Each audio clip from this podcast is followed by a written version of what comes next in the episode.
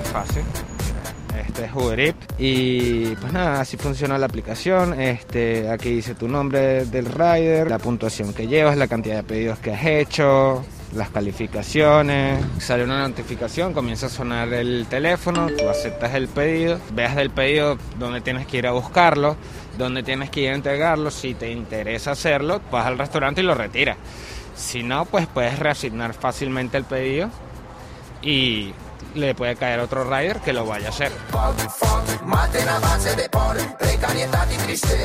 És en Fran, un dels milers de repartidors que veiem cada dia per Barcelona. El trobem a la plaça Universitat amb en Johnny i en José, els seus companys. Asseguts en un banc i amb les motxilles grogues a punt, esperen que els adjudiquin una comanda. Quina és la formació que tens, què mos dones? Que pena un expedient tan impecable. Tu eres per mi sols un negoci. Fa dos anys que treballen de riders i dediquen tot el dia i utilitzen més d'una plataforma, Globo, Uber Eats i Deliveroo. Mientras no te sale con una, pues que tengas la oportunidad de que te salga con otra y entonces compensas el no quedarte inmóvil por un tiempo. Ocho horas diarias se dedica uno. Eh, a veces nos toca en la no de tarde hasta la noche, hasta las 11, 12 de la noche. Y hay días que nos toca de la mañana hasta las 4 de la tarde. Literalmente uno no descansa ningún día, de lunes a domingo.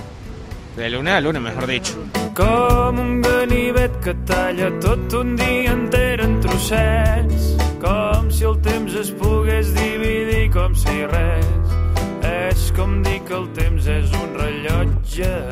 Ells mateixos ho reconeixen, són esclaus del mòbil.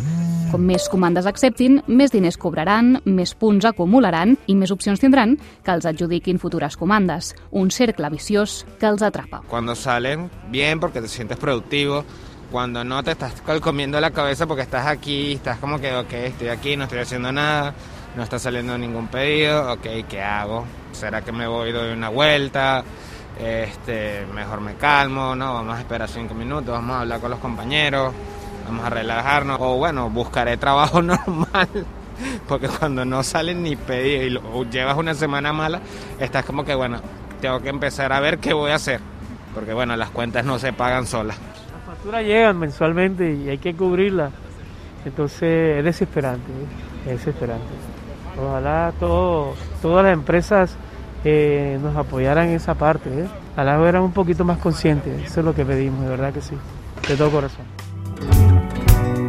La dels riders és una feina estressant i precària i dediquen molt temps per pocs diners. Segons comissions obreres, els paguen entre 1 euro amb 60 i 2 euros amb 90 per cada comanda. Tot depèn d'uns algoritmes que ni tan sols coneixen, perquè les plataformes no els han fet públics mai. Depende de la plataforma y depende de la distancia, tiempo.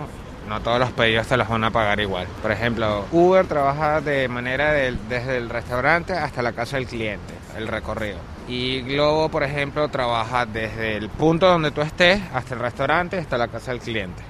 O sea, son distintas distancias. Por ejemplo, si estás de aquí a dos kilómetros del restaurante y después tienes que entregarlo a tres kilómetros de la casa, ya son cinco. Te van a reconocer tus cinco kilómetros.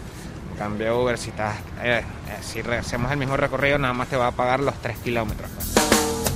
How could I forget to mention the bicycle is a? Molts dels repartidors són d'origen migrant i n'hi ha una part que no tenen papers. I com que per donar-se d'alta aquestes plataformes necessiten un DNI o un NIE, es veuen abocats a rellogar llicències d'altres companys. Yo no la alquilo, se la ayudo a una persona que no tiene papel y él me colabora con una cuenta porque es como una ayuda porque no tiene trabajo y no me gustaría verlo sin hacer nada en la calle.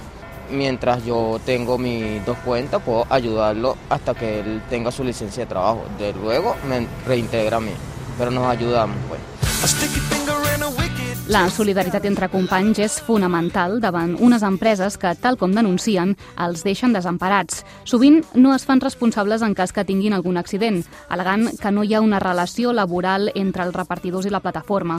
Una situació que hauria de canviar amb la nova llei Rider, que els considerarà assalariats. Currar, currar, currar sin parar. Pasa el fin de semana y vuelta a empezar. Currar, currar, currar sin parar. Pasa el fin de semana y vuelta a empezar. Currar, currar. A banda de la desprotecció de les empreses, però, també denuncien que se senten invisibles per molts clients. Tú hacer el clip, te sale el pedido y bueno, comienza el juego del corre-corre.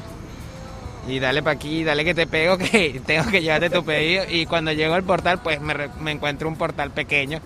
Y ahí es donde quedo como que... ¿Será que por favor puedes bajar? No, no puedo bajar. Uf. Ah, ok, no puedes bajar. Uno subí, dejarle expuesto el vehículo porque es una herramienta de trabajo. A más de uno le ha pasado la situación que se descuida uno y ya no encuentra la- la- el vehículo. Más de uno ha pasado eso. Nosotros perdemos un monopatín, una bicicleta, es un gasto y nos quedamos, no sabemos hasta qué tiempo, que a veces tenemos ahorrado, a veces no tenemos ahorrado. A veces la gente no es consciente de esa parte, ¿viste? Y uno a veces se decepciona porque, coño, todo uno lo hace de corazón para llegar rápido porque entre más pedidos, más le conviene a uno, ¿vale?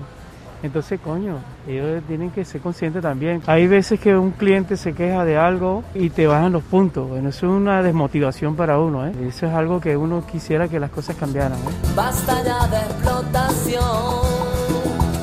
Totes les esperances estaven dipositades en la nova llei que ha de regular el sector, però que ha quedat en poc més d'un full i sense massa concrecions. Una oportunitat perduda, tal com denuncien els sindicats.